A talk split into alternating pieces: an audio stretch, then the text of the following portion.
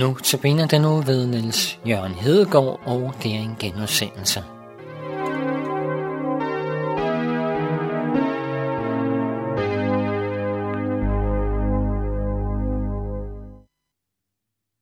Jeg har prøvet ligesom at tage et tema op, der hedder vejen. Vi har veje i vores hverdag. Øh, hvis du lytter med i går, så var det noget om pilgrimsvejen, eller pilgrimsvandring. Nogen siger, at der er mange veje til sandheden. Øh, der er vejen til Jesus, der er en vej til Buddha. Øh, Muhammedanerne har en anden forklaring, og nogen de finder vejen ind i sig selv. Hvis du skal køre et til et sted, du ikke helt kender, ja, så er det så øh, moderne i dag, at så kan du sætte GPS'en til. Du skal ikke engang selv bruge hovedet ret meget. Kun lige trykke på et par knapper og så se. Og så fortæller den dig, hvilken vej du skal følge for at nå frem til bestemmelsesstedet. Så du ikke kører forkert og ender et helt andet sted. Og når så du er øh, kommet frem, så siger KBS'en, nu er du fremme ved bestemmelsesstedet. Vil vi finde ind i Guds nærvær, er det vigtigt, at vores åndelige GPS er indstillet korrekt, så at vi også ved livets afslutning får lov at høre og opleve, at vi er kommet sikkert og helt frem til bestemmelsesstedet.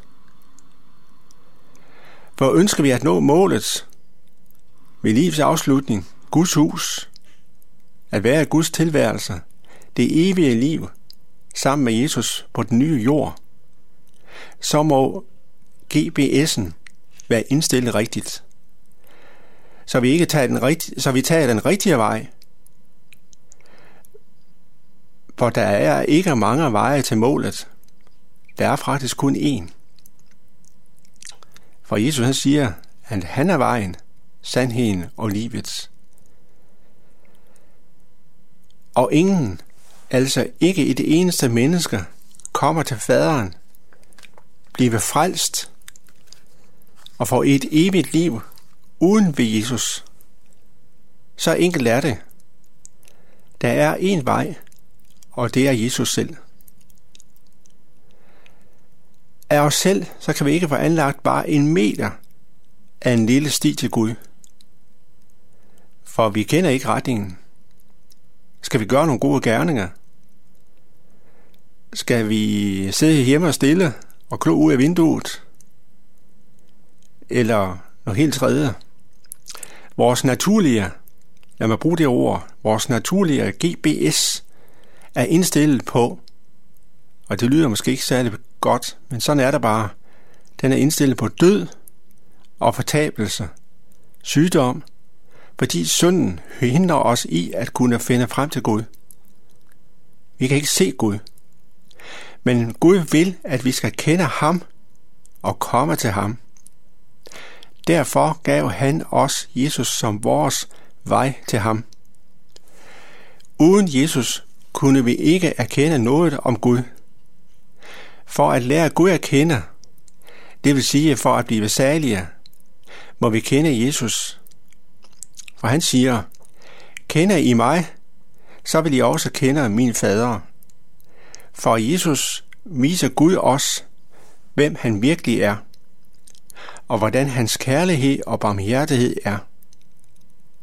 Den kærlighed, der står allerstærkest langfredag, hvor Jesus han giver sit liv for at frelse os fra synd og død. Har du tænkt over det, at Jesus han gik hele vejen? Han tog døden med og sejrede over den.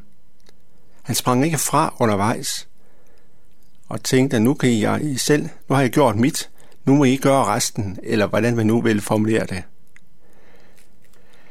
Ingen andre har brudt syndens og dødens magt, og derfor der bliver ikke bliver enhver ikke særlig i sin tro, fordi ingen kom til faderen uden ved mig.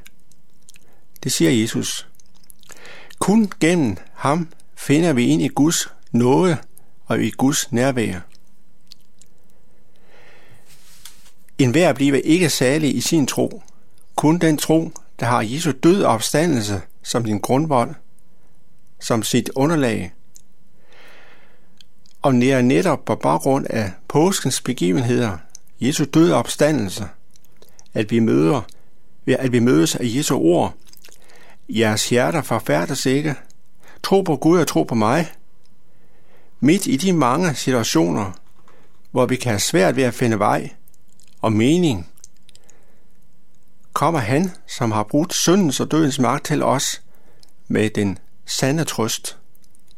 Det er den opstandende, som har al magt, der midt i vores urolige søgen, frygt og uro efter mening, og søgen efter fred, og kommer og viser os vejen. Det er i sandhed en glædelig nyhed. Du behøver ikke at forfærde, at leve i rædsel. Det er stærke, at Jesus han er opstået, og han har banet vejen Det fællesskab med ham, det evigt liv. Og det vil jeg ønske for dig, at du må få del i også. Du skal ikke gøre noget, for du kan ikke gøre noget, men du skal tage imod i tro og leve denne tro. Fordi Jesus ikke vil skubbe nogen fra sig, heller ikke dig.